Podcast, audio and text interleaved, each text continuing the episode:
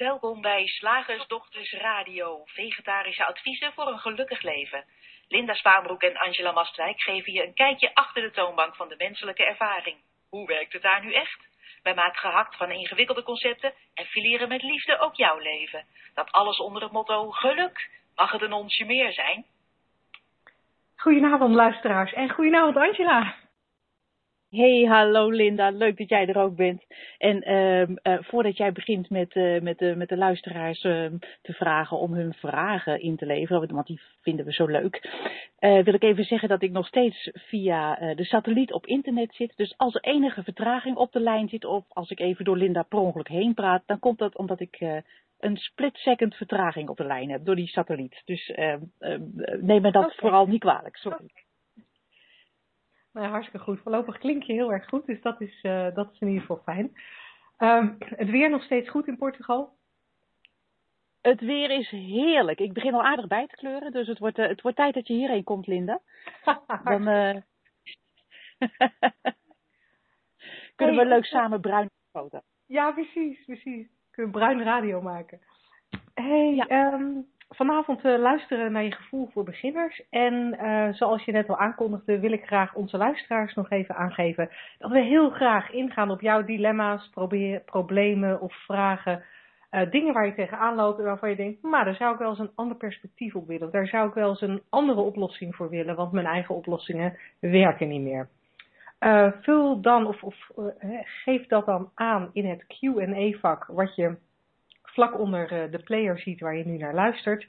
En uh, als je dat live met ons in de uitzending wilt doen, geef dan ook je telefoonnummer. Wil je dat liever een beetje anoniem houden, dan is het genoeg om alleen je vraag of je dilemma of je probleem aan ons voor te leggen. Dan komen we daar later deze uitzending op terug.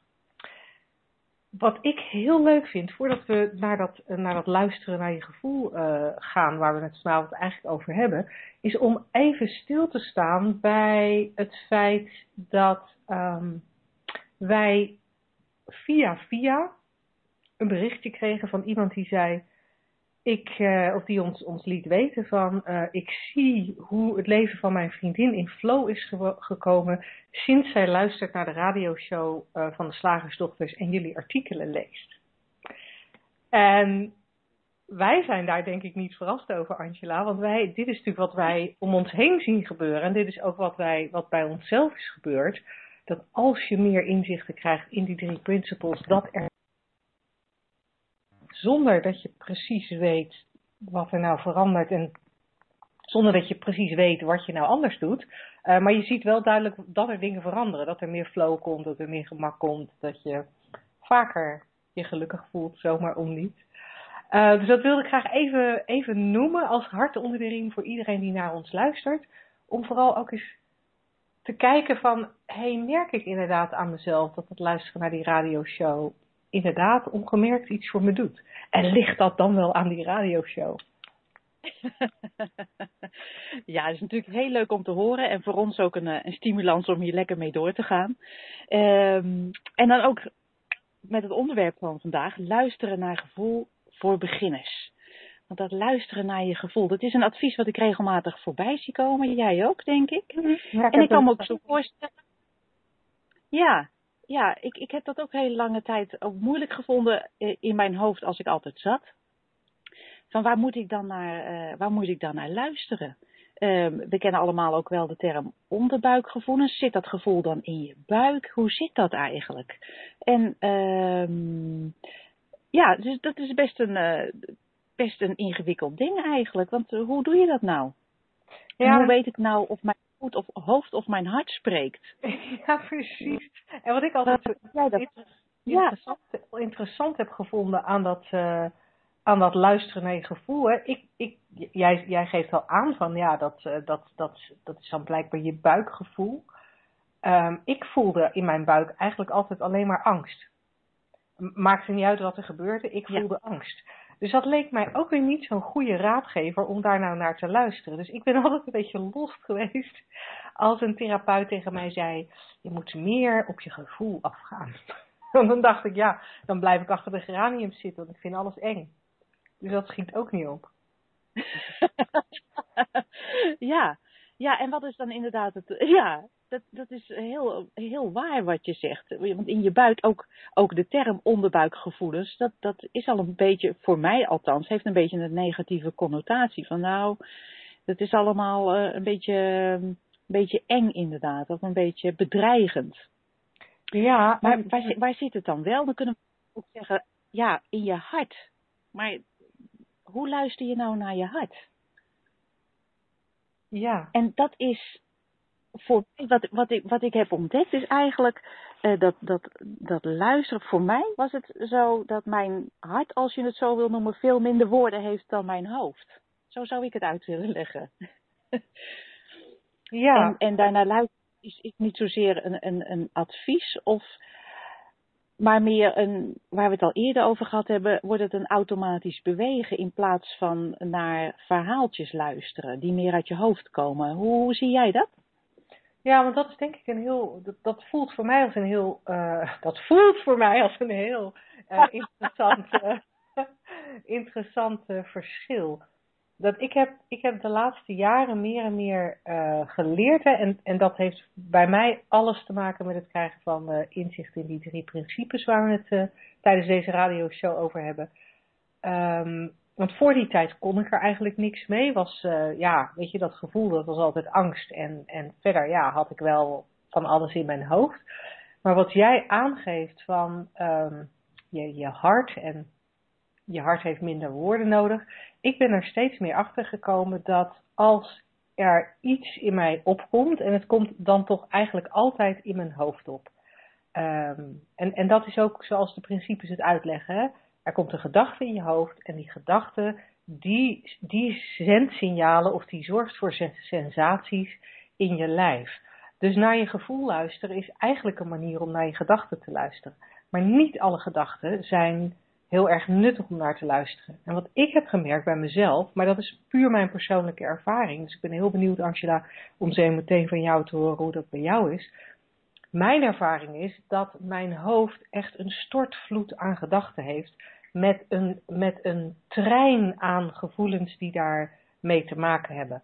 Um, um, als, als er iets is waar ik dan al dan niet naar mijn gevoel zou moeten luisteren.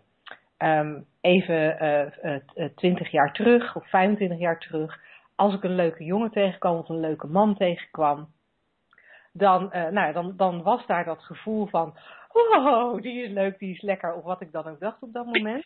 en vervolgens ging mijn, ging mijn hoofd. Um, ja, hij is wel leuk, maar. En dan kwamen er allerlei gedachten in me op. En die gedachten, die gingen mijn, uh, um, uh, die gingen mijn gevoel bepalen. Uh, dus dan kwam de angst alweer. En, en nou ja, of dat nou was voor die jongen, of dat was voor een nieuwe baan, of het was voor solliciteren, of het was voor op een podium gaan staan. Altijd maar kwam die stortvloed aan gedachten. En het bleef niet bij één gedachte van, oh, dat is eng om op dat podium te staan. Of, oh jeetje, wat een leuk, of uh, zou deze man wel zo leuk zijn als ik nu denk dat hij is. Nee, er kwam altijd een, er kwam een hele trein aan gedachten achteraan. En wat ik meer en meer ben gaan merken, is dat als ik zo'n stortvloed aan gedachten heb, dan is dat niet die intuïtie of dat hart waar jij het net over had. En op het moment dat ik weinig gedachten heb, heb maar het als het ware weet, en dat is dan ook een beetje een vage, maar gewoon van, oh ja, zo is het. En of dat nou zo'n meneer is, of het is op een podium gaan staan, wat het dan ook is, naar Portugal afreizen, op het moment dat ik het gewoon doe, of het echt het gevoel heb dat het, dat het goed voor me is, dan is het geen stortvloed aan gedachten, dan is het eigenlijk zo'n heel zacht fluisterstemmetje. En dat is denk ik waar jij aan refereerde. Ja, ik, ik denk eigenlijk dat we dat, we dat allebei op een soortgelijke manier ervaren. Ik heb inderdaad ook, bij mij is het vaak als ik ochtends wakker word, dan voordat, voordat alle gedachten op gang komen, om het zo maar even te zeggen, oh, ik ga dit doen. Of zoals jij zegt met, met, met mannen met een relatie, oh, dit is hem, had ik de gedachte bij uh, uh, toen ik een keer wakker werd na de ontmoeting met mijn huidige partner. en inderdaad, wat er daarna allemaal aan, aan gedachten en gevoelens opkomt, dat, is, dat zeg ik, dat is geen wijsheid, dat is mijn moeder. En niets te nadelen van mijn moeder. Maar dat zijn de, de, de oude conditioneringen die je dan uh, voorbij ziet komen. Oh, maar kan dit wel? Is dit wel zo? Zou je niet? Uh, moet je niet? Dat soort dingen. Dus ik, ik maak tegenwoordig, en dat kan weer ook weer veranderen, het onderscheid. Is het wijsheid of is het een oude conditionering? En dan zeg ik voor de grap, dat is mijn moeder. dat arme mens. Maar wijsheid zegt voor mij op dit moment, zoals ik het zie, altijd: oh dit, oh daarheen, oh zus, oh zo. En wat er verder dan uh, aan verhaaltjes opkomt, dat heeft daar niet zoveel mee te maken. En kan ik dus ook uh, negeren of niet zo serieus nemen, of in ieder geval uh, zien voor wat, voor wat het is. Want wat ik ook vaak hoor, en dat heb ik zelf ook wel eens gehad, dat je denkt, dan wil je iets gaan doen, wat jij bijvoorbeeld zegt op zo'n podium gaan staan. Om maar een voorbeeld te noemen, te noemen waar heel veel mensen dan uh, angst voor hebben. En dan zeg je nou, dat voelt niet zo goed. En ik moet naar mijn gevoel luisteren, dus dat doe ik dan niet. Hè? Of die nieuwe baan, of, of, of deze man. Of... Maar zoals jij ook al zei, dat gevoel komt dus voort uit, uit angst. En angst is nooit wijsheid. Angst is geen goede raadgever, zei onze oma's al. En, uh, en er is ook het tegenovergestelde van wijsheid. Dus zoals ik het zie is wijsheid, je hart spreekt, een zacht stemmetje zegt, doe maar dit, hierheen, daarheen, op deze manier, zo. En al het andere is het verhaal in mijn hoofd en een, een variant op angst. Ik denk dat ik het, ja, dus uh, ik denk dat we, dat, uh, dat we een beetje dezelfde richting op kijken wat dit betreft. Ja. Wat, ik, wat ik dan wel interessant vind om nog even stil te staan, dat dat iets is wat um, een van mijn vriendinnen vaak terugkrijgt als zij met haar vriendinnen praat over haar ervaringen sinds ze meer inzicht heeft in de drie principes. Zij krijgt vaak terug, um, en dat is dan wel altijd van mensen die therapeut zijn of uh, die lang in therapie gezeten hebben. Ja, maar mijn lijf geeft de signalen. En mijn lijf moet het doorwerken, of doorwerken, ik weet niet precies waar je de klemtoon moet leggen, maar mijn lijf moet hier doorheen, want anders uh, ben ik het niet echt kwijt. En dan wordt er vaak uh, gerefereerd aan um, ja, dingen, nare herinneringen of dingen van vroeger. Hoe kijk jij daar tegenaan? Ja, er kan natuurlijk een nare herinnering van vroeger opkomen of een ervaring die je gehad, dat, dat komt op.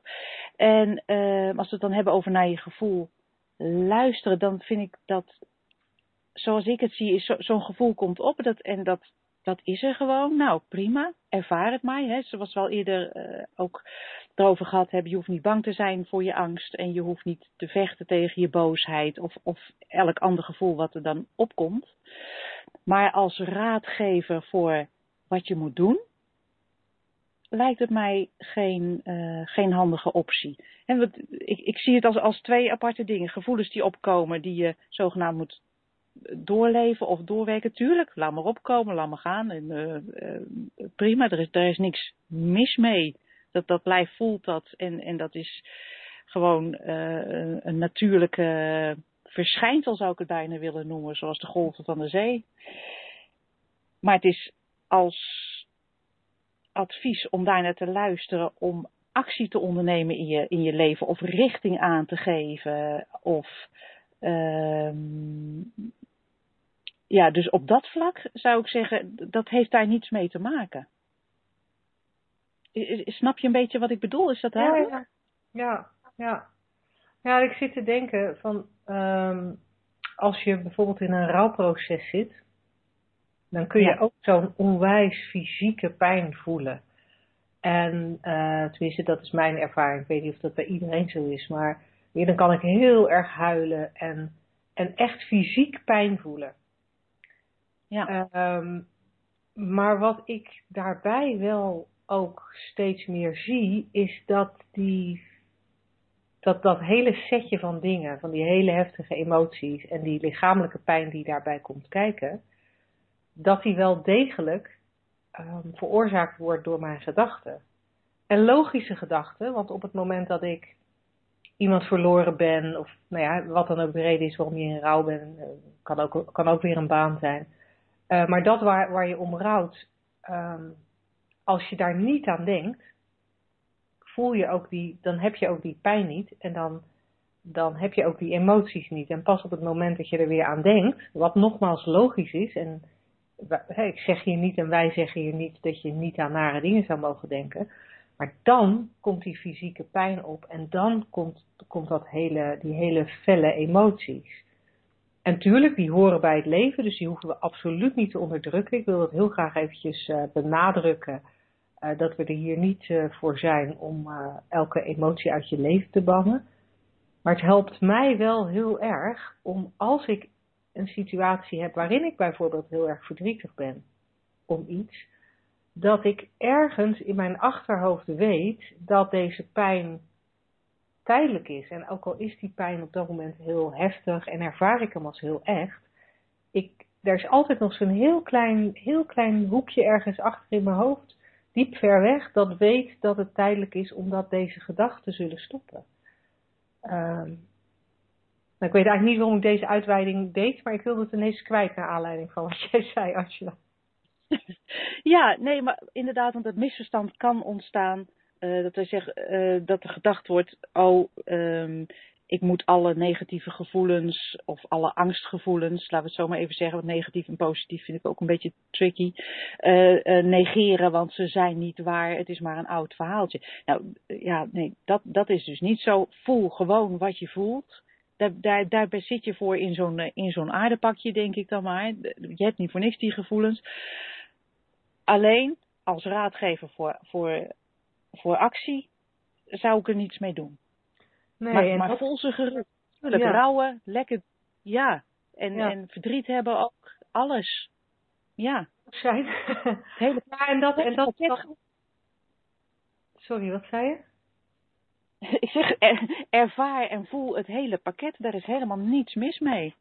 Nee, nee. En, dan, en, en, en dat is dan natuurlijk wel, dat zijn wel die momenten, jij gaf het al aan, uh, dat, dat zijn de momenten waarop je alleen liever niet naar je gevoel luistert om actie op te ondernemen. Het actie ondernemen zou mooi zijn als je dat zou kunnen doen vanuit een soort natuurlijke flow, waarin je al bijna in de actie zit zo, uh, voordat je er überhaupt over na hebt gedacht. Ja, moet, ja. Ik, eerlijk zeggen, mooi gezegd ja, dat ik meer en meer, um, als ik ergens heel erg over nadenk, omdat ik het zou moeten doen, dat ik meer en meer het dan juist niet doe. Omdat ik, omdat ik steeds weer zoiets krijg van, nee, als ik, er, als ik er zo over na moet denken, als ik mezelf er zo toe moet dwingen, nou, dan is dit gewoon niet het goede moment. En dan doe ik wat anders. Geef mij ook wel een hoop rust, moet ik zeggen. Ja, fijn. Heel fijn. Waardoor ik de afgelopen dagen heerlijk aan het klussen ben in het huis van mijn dochter. In plaats van schrijven aan mijn boek, wat eigenlijk op de agenda stond. ja, ja, ja, dat gebeurt ook, ja. Fijn. Ik denk, denk je dat wij, uh, dat wij luisteren naar je gevoel voor beginners uh, voldoende hebben besproken? Ja, ik denk dat we alle, alle, onze, alle punten die we wilden benoemen, benoemen wel benoemd hebben. Dus misschien is het tijd uh, voor ons volgende onderdeel. Slagersdochters, wat zit er in de leverworst? Oftewel, tijd voor wat wetenschap. Ja, en deze week heb ik uh, iets ontzettend fascinerends ontdekt. Tenminste, dat vind ik zelf dan. En ik, uh, ik hoop dat jullie dat ook vinden ik, uh, ik, toen ik ging denken aan wat ik voor de wetenschap zou gaan uh, bekijken en lezen, dacht ik ineens aan een uitspraak van Sidney Banks. Sidney Banks is de, de, de man die gezien heeft hoe het leven als mens in elkaar zit en dat beschreven heeft in die drie principes waar wij het uh, dus over hebben als slagersdochters en waarnaar wij verwijzen in alles wat wij zeggen. En uh, Sidney Banks, die, een van zijn uitspraken die ook in een van zijn boeken staat, is Life is a divine dream, suspended between time, space and matter. Dus het leven is een goddelijke droom, gevangen in tijd, ruimte en materie. En dat klinkt natuurlijk heel, ja, esoterisch, spiritueel, maar uh, tegelijkertijd heeft dezelfde Sydney Banks, die gewoon een lasser was zonder veel opleiding, ook natuurkundigen geholpen met problemen die zij hadden. Dus ik dacht, zou er voor deze uitspraak, voor dit idee ook een wetenschappelijke basis zijn? En die heb ik gevonden en dat vond ik, uh, dat vond ik echt uh, prachtig. Wat ik heb ontdekt is het, uh, het holografische principe waarmee moderne natuurkundigen beschrijven hoe het universum in elkaar zit. We hadden vroeger natuurlijk um, hoe heet de beste man? Albert Einstein, die de relativiteitstheorie had bedacht. En dat, uh, dat werkte perfect voor alle, alle grote tastbare dingen, alle planeten, sterren en, en, en dat soort dingen. En daarna werd de kwantumfysica ontdekt. Dat ging dus over hele kleine deeltjes. En die waren niet zo goed met elkaar verenigbaar. Want die hele kleine deeltjes, daar hebben we het al eerder over gehad, die gedragen zich heel anders dan die, dan, dan die, dan die grote materie, om het zo maar even te zeggen. Die kleine deeltjes die kunnen op meerdere plekken tegelijk zijn, die beïnvloeden elkaar, die zijn tegelijkertijd een, een deeltje en een golfje. Dus die twee theorieën die, die, ja, die waren niet met elkaar verenigbaar. En natuurkundigen zouden geen natuurkundigen zijn als ze daar een oplossing voor wilden. Nou, Stephen Hawkins, die kennen we misschien allemaal wel. Heeft zo'n, dat is die man in die rolstoel. Er is een prachtige film gemaakt over zijn, over zijn leven. En die heeft uh, geprobeerd een theorie van alles te maken. En dat dacht hij ook dat hem dat gelukt was. De man in de rolstoel. En daarvoor had hij zwarte gaten in het universum bestudeerd. En hij zei dus, nou die zwarte gaten, dat zijn, dat zijn plekken waar heel veel zware materie uh, is geconcentreerd. En dat heeft, oefent zoveel aantrekkingskracht uit, zwaartekracht, dat daar materie in uh, naartoe getrokken wordt en dan een soort implodeert, dus, dus verdwijnt. Nu is het in de natuurkunde zo dat uh, men zegt energie kan niet verdwijnen. Dus het is niet echt weg, maar uh, er is niet alleen energie in die deeltjes, maar ook informatie. En die was volgens Stephen Hawking dan ook weg als het in zo'n zwart gat terecht kwam. En ik kan die theorie verder niet uitleggen, dat gaat mij uh, te ver en ook te ver in het kader van deze uitzending. Maar uh, hij had daar een theorie van alles van gemaakt. Nou, de volgende stap en dat is de leukste, want daarmee gaan we naar het holografisch principe toe, is dat er een aantal natuurkundigen zeiden, nou dat is een hele mooie the theorie meneer Hawking, u bent heel slim, maar dat klopt iets niet. Want informatie kan niet verdwijnen. Dat is natuurkundig onmogelijk. Dat spreekt elkaar uh, uh, tegen. Dus er spreekt iets in jouw theorie, spreekt elkaar tegen. Dat klopt niet. Dat was uh, de Amerikaan Suskind, die, die geeft les aan Harvard University. En de Nederlander Gerard het Hoofd. Twee hele knappe koppen die zich tientallen jaren eigenlijk gebogen hebben over het probleem. Dat de theorie van meneer Hawkins dat die toch niet helemaal klopte, omdat de de informatie dus daarin verdween. De informatie uit het universum. Die zou verdwijnen in een zwarte gat, kon niet, zeiden ze. Goed. Er was dus een denkfout gemaakt. En waar zij mee als theorie op de proppen kwamen, na jaren en jaren overleggen en denken en filosoferen en uitproberen, is dat die informatie niet verdwijnt in die zwarte gaten, maar ergens aan de rand uh, blijft liggen. Zo stel ik mij dat voor. En dan denk je, nou ja, wat heb ik daar nou aan om dat te weten?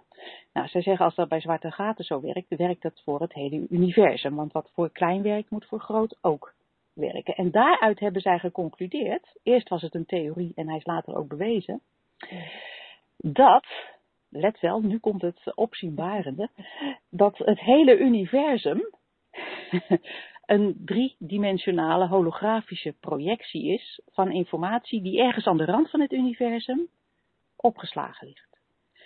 Oké. Okay. Laat, dat heel, laat dat heel even op je inwerken. Wat dat betekent, ik ga het nu zeggen even in mijn, in mijn eigen woorden. En ik hoop dat ik niet al te veel uh, geweld aandoe uh, aan, aan, aan de theorie.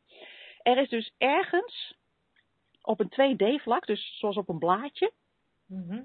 ligt er, ligt er uh, informatie aan de rand van het universum. We weten niet waar, dat weet ook niemand. Mm -hmm. En dat wordt geprojecteerd in een universum waar wij dus in zitten. En dat houdt in dat wij, jij, ik, alle planeten, de sterren, de zon, alles alleen maar een projectie is van die, een 3D-projectie van die informatie die aan het randje ligt. Dat hebben zij als theorie uh, dus uh, uh, bedacht. -hmm. En een aantal jaren later, in 1989 was dat al, heeft een Argentijnse natuurkundige dat ook bewezen en, en omschreven in een, in een vergelijking. Nou ben ik geen natuurkundige, dus al die cijfers en letters, dat zegt mij allemaal niks, dus daar zal ik jullie niet mee vermoeien. Maar het feit dat het hele universum, of het feit, Professor Suskind zegt ook, het is nu een feit, maar we gaan nog voor verrassingen komen te staan waarschijnlijk met alles wat we gaan ontdekken. Zoals het nu gezien wordt door deze knappe kopper, is dat alles in het universum dus gewoon een projectie is. Wij zitten dus in een soort enorm computerspel, stel ik mij voor. En dat bevestigt dus eigenlijk wat uh, Sidney Banks zei, dat het een soort droom is maar geprojecteerd binnen ruimte, tijd en materie. Maar uiteindelijk alleen maar een projectie. En het verwijst ook natuurlijk naar bijvoorbeeld zo'n film als The Matrix, waarin het ook um, zo gespeeld wordt. Mm -hmm. uh, maar het lijkt dus natuurkundig ook uh, daadwerkelijk uh, zo bewezen te zijn. Jij en ik bestaan niet, Linda. Wat vind je daarvan? Ja, ik was er al bang voor. Ja, je komt dan, je komt dan wat mij betreft aan de... Ik vind het super interessant dat jij, dat jij ook uh, natuurkundig uh, bewijs hiervoor hebt gevonden. Of dat er natuurkundig bewijs voor is. Um, ik vind dit wel een, ik, ik vind dit een spannend, uh, een spannend onderdeel van het leven. Um, ik weet niet of spannend het goede woord is, fascinerend, interessant, iets in die richting. Omdat ook ik, ik kende dit natuurkundige bewijs nog niet, maar ik had natuurlijk wel Sydney Banks al dit soort uitspraken horen doen op video's en op mp3's. En um, ja, dan krijg je al, dan krijg je al zo'n vermoeden dat het allemaal niet zo echt is als wij denken dat het echt als het, dat het is. Um, en, en daarmee kom je ook wel op iets wat totaal ongrijpbaar is en wat ja, sorry voor de uitdrukking, maar wat echt één grote mindfuck is als je probeert erover na te denken. Nou, dat is ook heel mooi dat je dat zegt, want professor Suskind, ik heb verschillende filmpjes van hem gekeken en, en, en artikeltjes gelezen, die zegt ook, ons brein, ook zijn brein, hoe briljant het ook is, kan dit niet 100% begrijpen. En waarom niet? Omdat dat brein nu eenmaal materie is die onderdeel is van diezelfde projectie, ofwel dezelfde mindfuck zoals jij het noemt. Ja. En hij zegt, wij kunnen hier alleen maar over praten in metaforen. En dat is, vind ik, vond ik ook heel mooi om te horen, omdat hetzelfde geldt voor de Three Principles waar wij ja. het over hebben. We kunnen dat wel in woorden uitdrukken, maar dat zegt in principe niets. We kunnen alleen maar in metaforen erover praten en verwijzen naar iets waar geen woorden voor zijn. Ik vind het heel mooi dat het dus ook uh, uh, wetenschappelijk uh, zo, zo in elkaar grijpt. Ja, ja, het is, het is heel interessant en ik, ik zou onze luisteraars heel graag willen uitnodigen om, om ook die kant op te kijken. Zonder dat je, zonder, volgens mij zonder dat je probeert om het echt te begrijpen. Want zodra je gaat proberen het te begrijpen, nou ja, dat zeiden we net al, gaat het mis. Daar, daar is ons brein gewoon niet uh, op ingesteld. Zolang je, zodra je er echt een gesprek over gaat voeren, begin ik het ook heel moeilijk te, te vinden. Um, ja. Maar je kunt er wel je kunt wel echt in die richting kijken. Uh, en dat is wat Sydney Banks natuurlijk ook altijd zei. Van, van ja, ik, ik probeer je in een richting te wijzen van iets waar geen woorden voor zijn. Uh, en daar wordt door, door wijze en verlichte mensen door de eeuwen heen al steeds naar verwezen. Maar, maar nooit met de exact goede woorden, omdat die er niet voor zijn. Maar zou onze luisteraars wel willen uitnodigen om, om ook, ook eens wat explicieter die kant op te kijken. Gewoon te kijken. En, en, ja. Ja, en te zien wat je ziet. Zonder woorden. Ja, zonder woorden. Want ik vind het altijd mooi omschreven. Men zegt dan ook in allerlei uh, uh, wijsheden uit, de, uit het oosten, maar ook dus uit het westen, zoals de Three Principles. Van uh, we verwijzen ergens naar, maar kijk niet naar mijn vinger. Mm. Mm. Dus luister niet naar de woorden of, of, of struikel niet over het, uh, de, de, de, begrippen die we hanteren, zoals mind consciousness en thought. Of, uh, uh, want als je daarnaar kijkt, dan kijk je naar de vinger in plaats van naar waar het naar verwijst. En, en dat, dat ligt een stuk dieper, een stuk, stuk verder, is een stuk ongrijpbaarder dan, dan alles wat wij met ons brein kunnen bevatten. Ja. Mooi om naar te kijken. Ja, en dankjewel Angela voor, deze, voor, voor dit hele concrete natuurkundige uh, onderzoek, wat uiteindelijk zo weinig concreet uh, blijkt te zijn. Ja. Heel leuk. Ja. Zeg, slagersdochters, hoe pak ik die vegaburger? Over naar de luisteraarsvraag. Ja, de luisteraarsvraag van vandaag is een... Uh, uh, is er denk ik eentje die, die veel mensen herkennen. En ik weet niet of dit nou een vraag is die we in zijn soort al eens gehad hebben uh, tijdens deze, een van deze uitzendingen. Ik dacht van niet. Uh, maar hij wordt gesteld, dus zelfs als het een herhaling is, dan, dan gooien we hem in de herhaling. Um, dit is een vraag van iemand die zegt: um, Mijn partner en ik zijn nu zo'n 6,5, 7 jaar bij elkaar. Um, voor ons allebei is dit een tweede langdurige relatie. We zijn allebei eerder getrouwd geweest. En we merken dat we ontzettend veel ruzie maken. Uh, waardoor we al jaren in twijfel zitten of we door moeten gaan of stoppen met deze relatie. We willen allebei niet langer ruzie blijven maken. Maar echt uit elkaar willen we ook niet. Maar dit is ook geen leven. Nou, Angela. ja, nou, het eerste wat in mij opvalt, dat was echt, is echt heel flauw. Maar je hebt zo'n filmpje van, van zo'n zo'n psychiater of psycholoog. En een mevrouw komt met uh, problemen bij hem. En die zegt, nou ik wil dit niet meer. En dan roept hij elke keer alleen maar, nou stop het. Ja.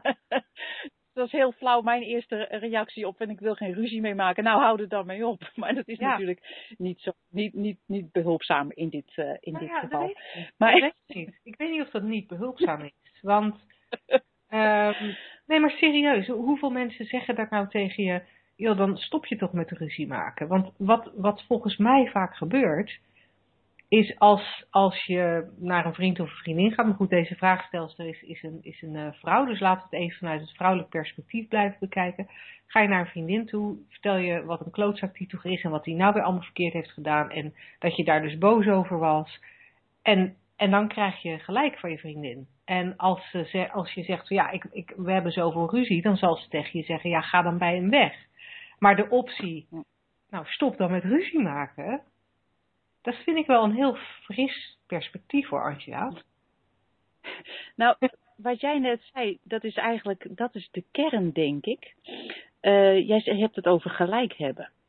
Als ik naar mezelf kijk, uh, mocht ik de neiging hebben tot een meningsverschil met, met wie dan ook, of, dan, heb ik de, dan wil ik mijn gelijk halen. En dat willen we eigenlijk allemaal in de ruzie, want anders zou je, waarom zou je anders ruzie maken? Mm-hmm. En sinds ik uh, deze kant op kijk, van die drie principes weet en snap dat gelijk niet bestaat, omdat we allemaal in volledig eigen realiteiten leven, tot leven gebracht uh, uh, 3D door ons bewustzijn, maar gestimuleerd door het denken ja, zie ik eigenlijk dat gelijk niet bestaat. Want, want wat ik zie als mijn gelijk is alleen maar mijn, mijn gedachten die ik tot leven breng. En natuurlijk heb ik dan gelijk, want ik bewijs mijzelf namelijk dat ik gelijk heb. Maar ja. mijn partner doet precies hetzelfde. Dus als je snapt dat je allebei in, in, in volledig uh, afgescheiden realiteiten leeft, ja, dan, dan valt ook de noodzaak om gelijk te hebben weg. Want je snapt, ja, ik heb mijn gedachten, dus ik zie het zo. Hij heeft zijn gedachten, dus hij ziet dat zo. Nou, interessant. maar ja, nooit een, een, een reden om, uh, om, om daar een, uh, een ruzie over te beginnen. Ik, uh, het, het is voor mij niet zo logisch meer.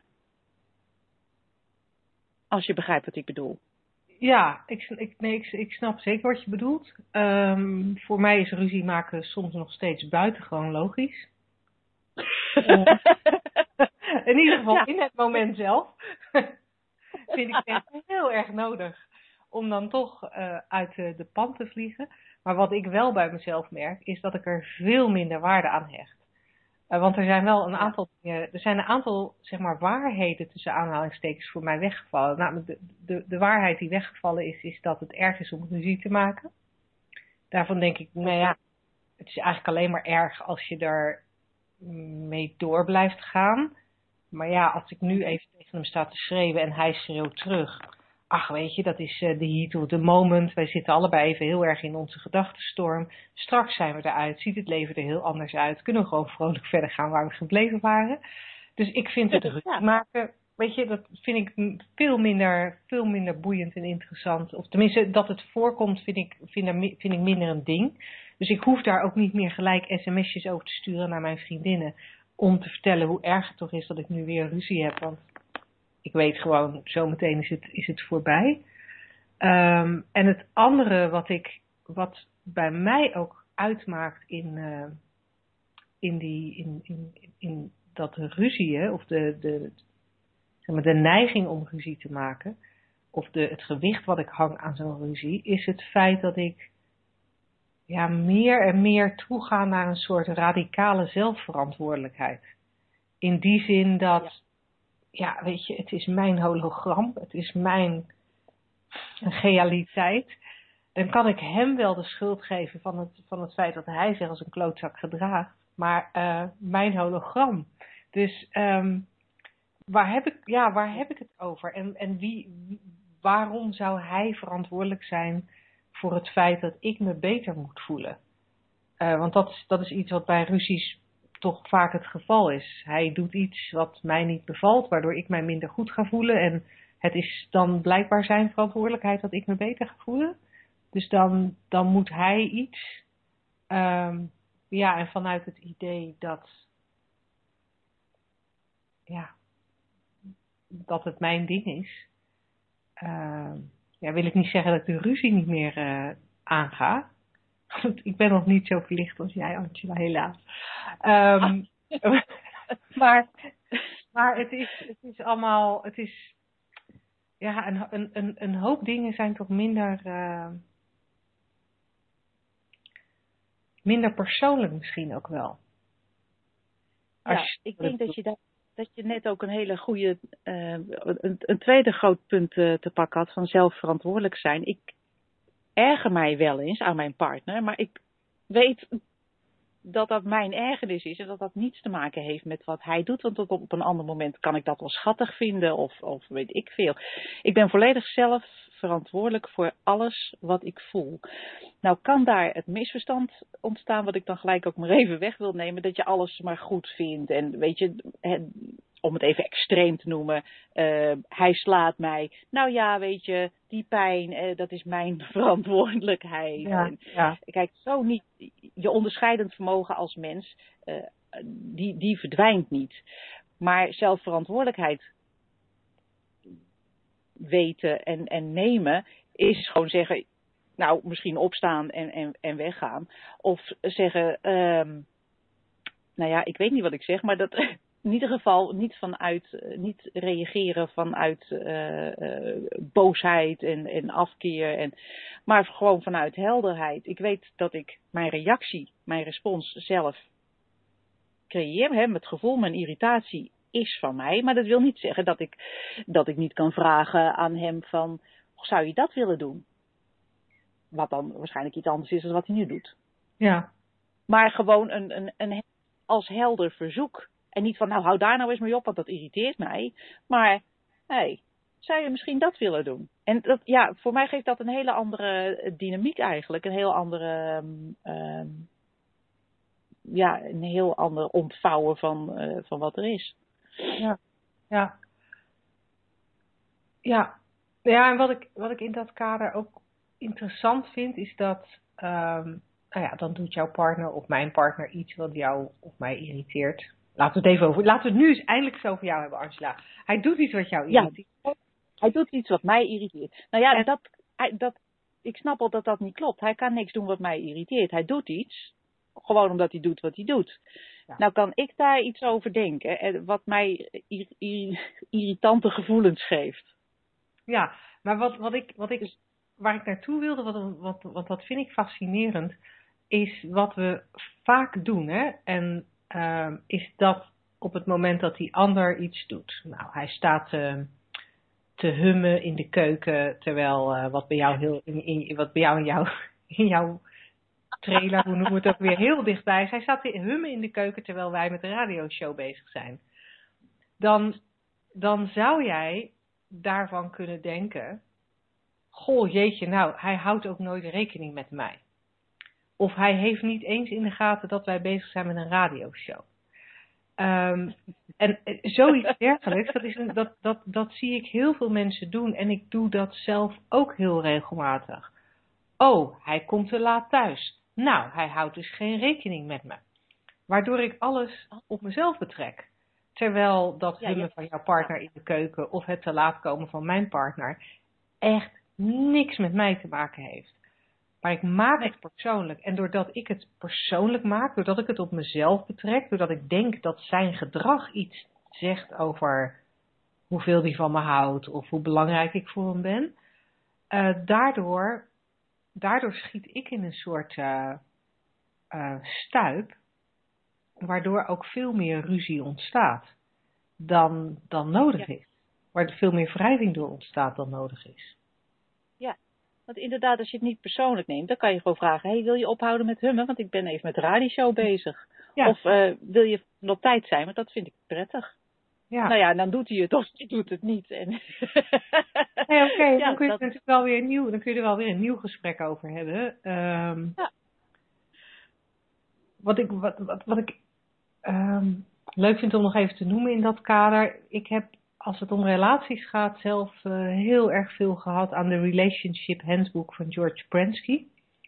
Volgens mij zou dat door Veronique Pivetta, die een aantal weken geleden bij ons in de uitzending was, ook uitgegeven worden in Nederland. Ik weet niet zeker of dat inmiddels al gebeurd is. Maar in ieder geval de Relationship Handbook van, uh, van George Prensky. En niet een ander relatiehandboek, dit relatiehandboek. En wat hij uh, daarin heel duidelijk maakt, is hoe we vaak geneigd zijn als we in een relatie zitten en die relatie loopt stroef omdat we veel ruzie hebben, om dan um, steeds te willen praten over wat er dan misgaat tussen ons. Maar elke keer als we, als we het gesprek aangaan en in een ruzie terechtkomen, um, doordat we over onze problemen praten, dan um, zorgen we daar automatisch voor dat, uh, dat, dat onze gemoedstoestand daalt. Dat we ons minder prettig gaan voelen. En George Pransky legt heel helder uit dat als je in een lagere gemoedstoestand bent, dat je ook veel, nou ja, in mijn woorden, bevattelijker bent voor je eigen gedachten, bevattelijker bent om je eigen gedachten te geloven, maar ook bevattelijker bent voor meer negatieve uh, denkpatronen. Um, waardoor je, als je met je partner in een ruzie terechtkomt, eigenlijk never, never, never nooit uit die situatie komt. Want je helpt elkaar alleen maar naar een lagere gemoedstoestand.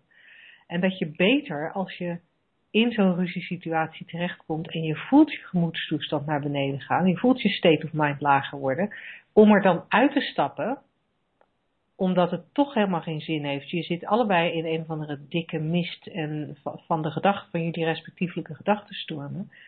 Uh, eruit te stappen. En op een moment dat, de, dat jullie beide gemoedstoestand weer beter is, om dan eens te kijken of je het onderwerp kan aansnijden. Of je dan eens het kan hebben over dat steeds maar te laat komen.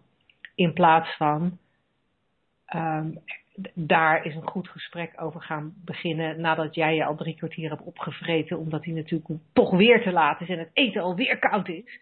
En dan als hij thuis komt, hem de volle laag geven. Ja, dat is inderdaad ook een, heel, uh, uh, een, een, hele goede. Van in, welke, in welke staat van zijn verkeer je en is het dan slim om, uh, om dat soort zaken te bespreken? Ik heb dat boek ook een aantal jaren geleden gelezen. Ik vond het een briljant boek. Het, is al, uh, het is al best oud. Uh, Veronique Pivetta heeft het nog niet in het Nederlands uitgebracht. Maar uh, zodra dat gebeurt, zullen we daar zeker melding van maken in, in, in, de radioshow. Ja, Want het is, ja. is absoluut te aanraden. Ja. Cool. Nou, tot zo. Ja. Kijkers, of onze luisteraarsvraag. Um, blijf ze insturen naar welkom@deslagersdochters.nl. we gaan graag volgende week met jouw vraag aan de slag. En uh, dan voor nu ons laatste onderdeel. Woensdag, gehaktdag. Zeg slagersdochters, welk concept gaat er vandaag door de molen?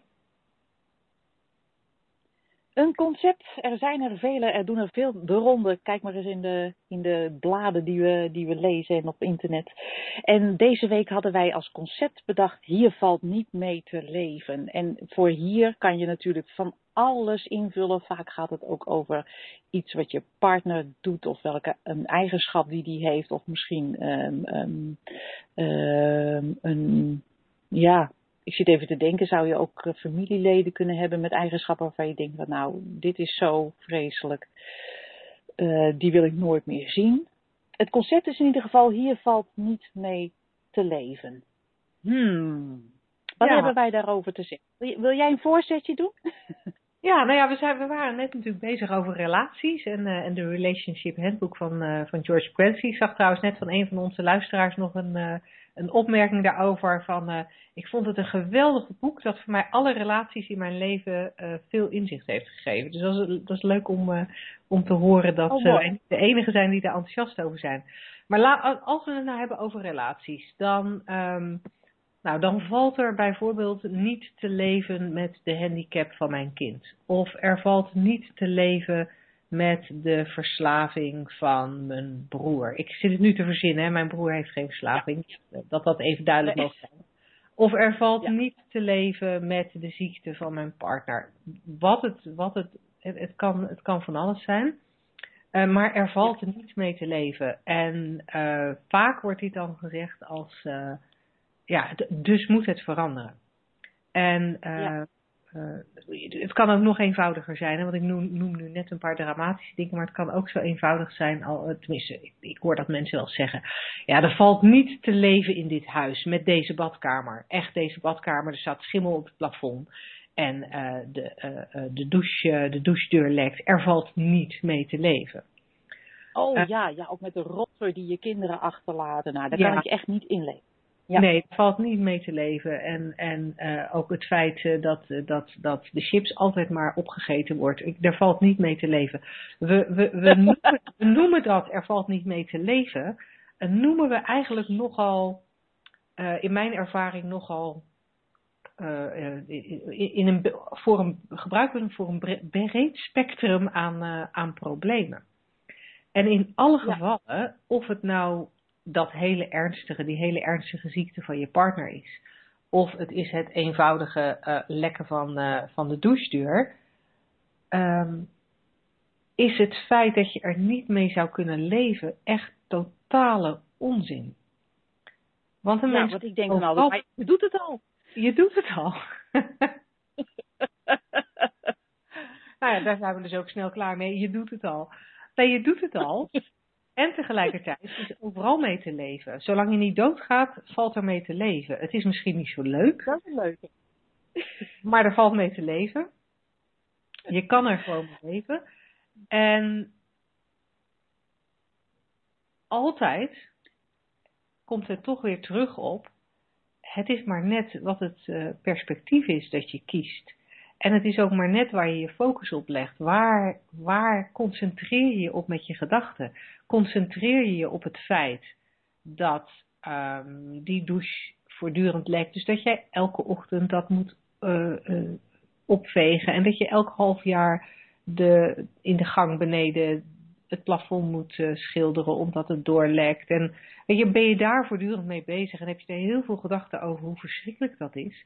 Of heb je heel veel gedachten over het feit dat het toch zo ontzettend zwaar is om elke dag maar weer die spullen van je kinderen op te moeten ruimen, als dat is waar jij niet mee kan leven.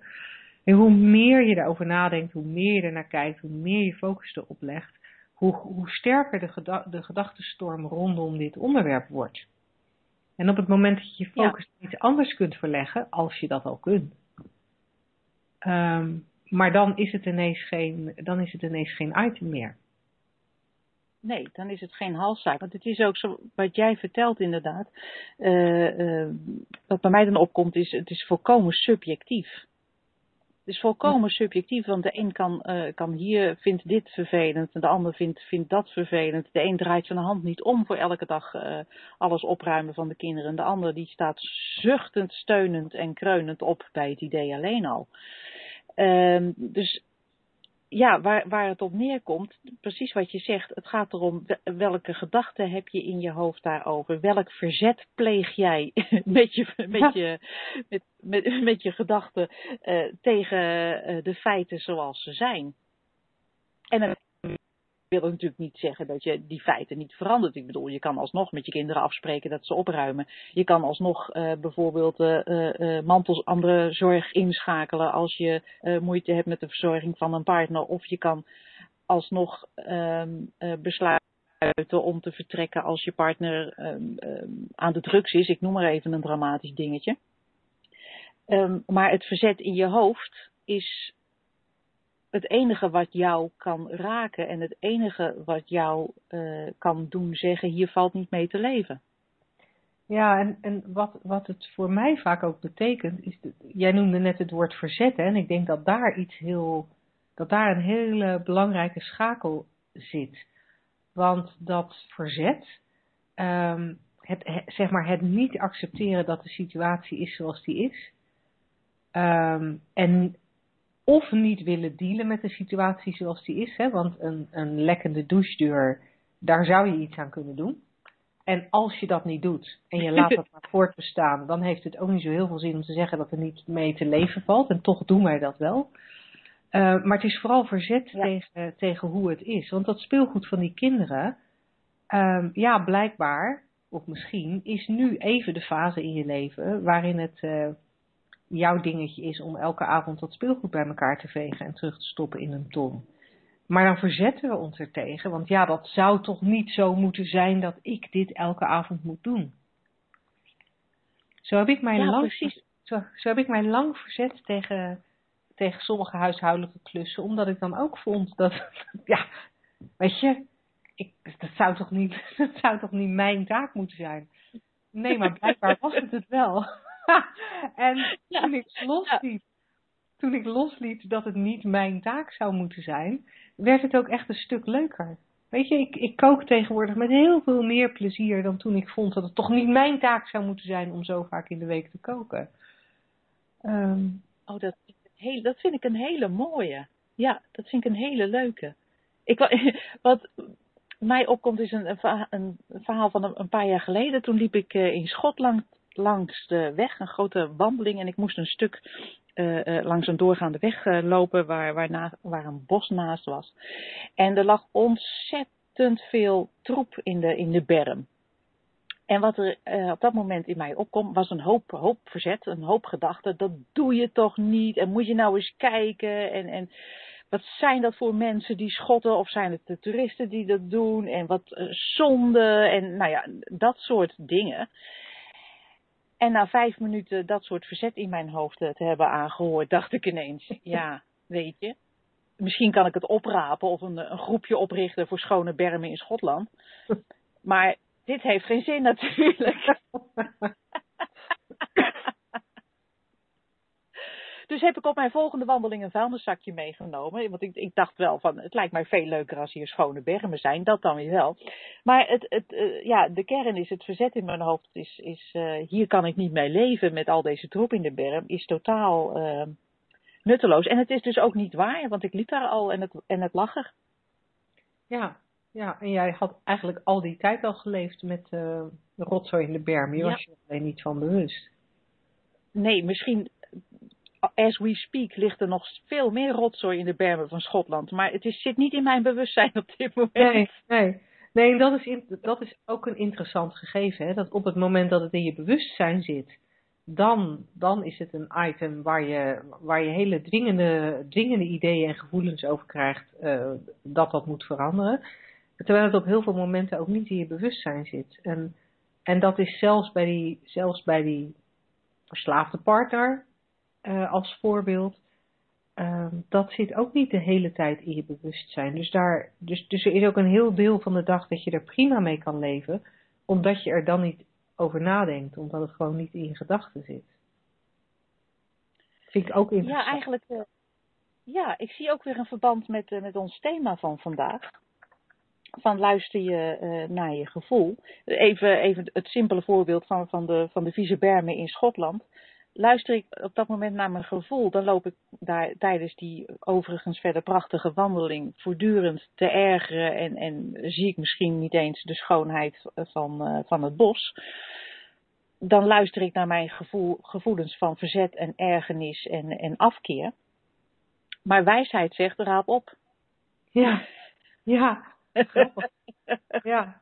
ja, ja nog een, uh, nog een manier om, om ernaar te kijken.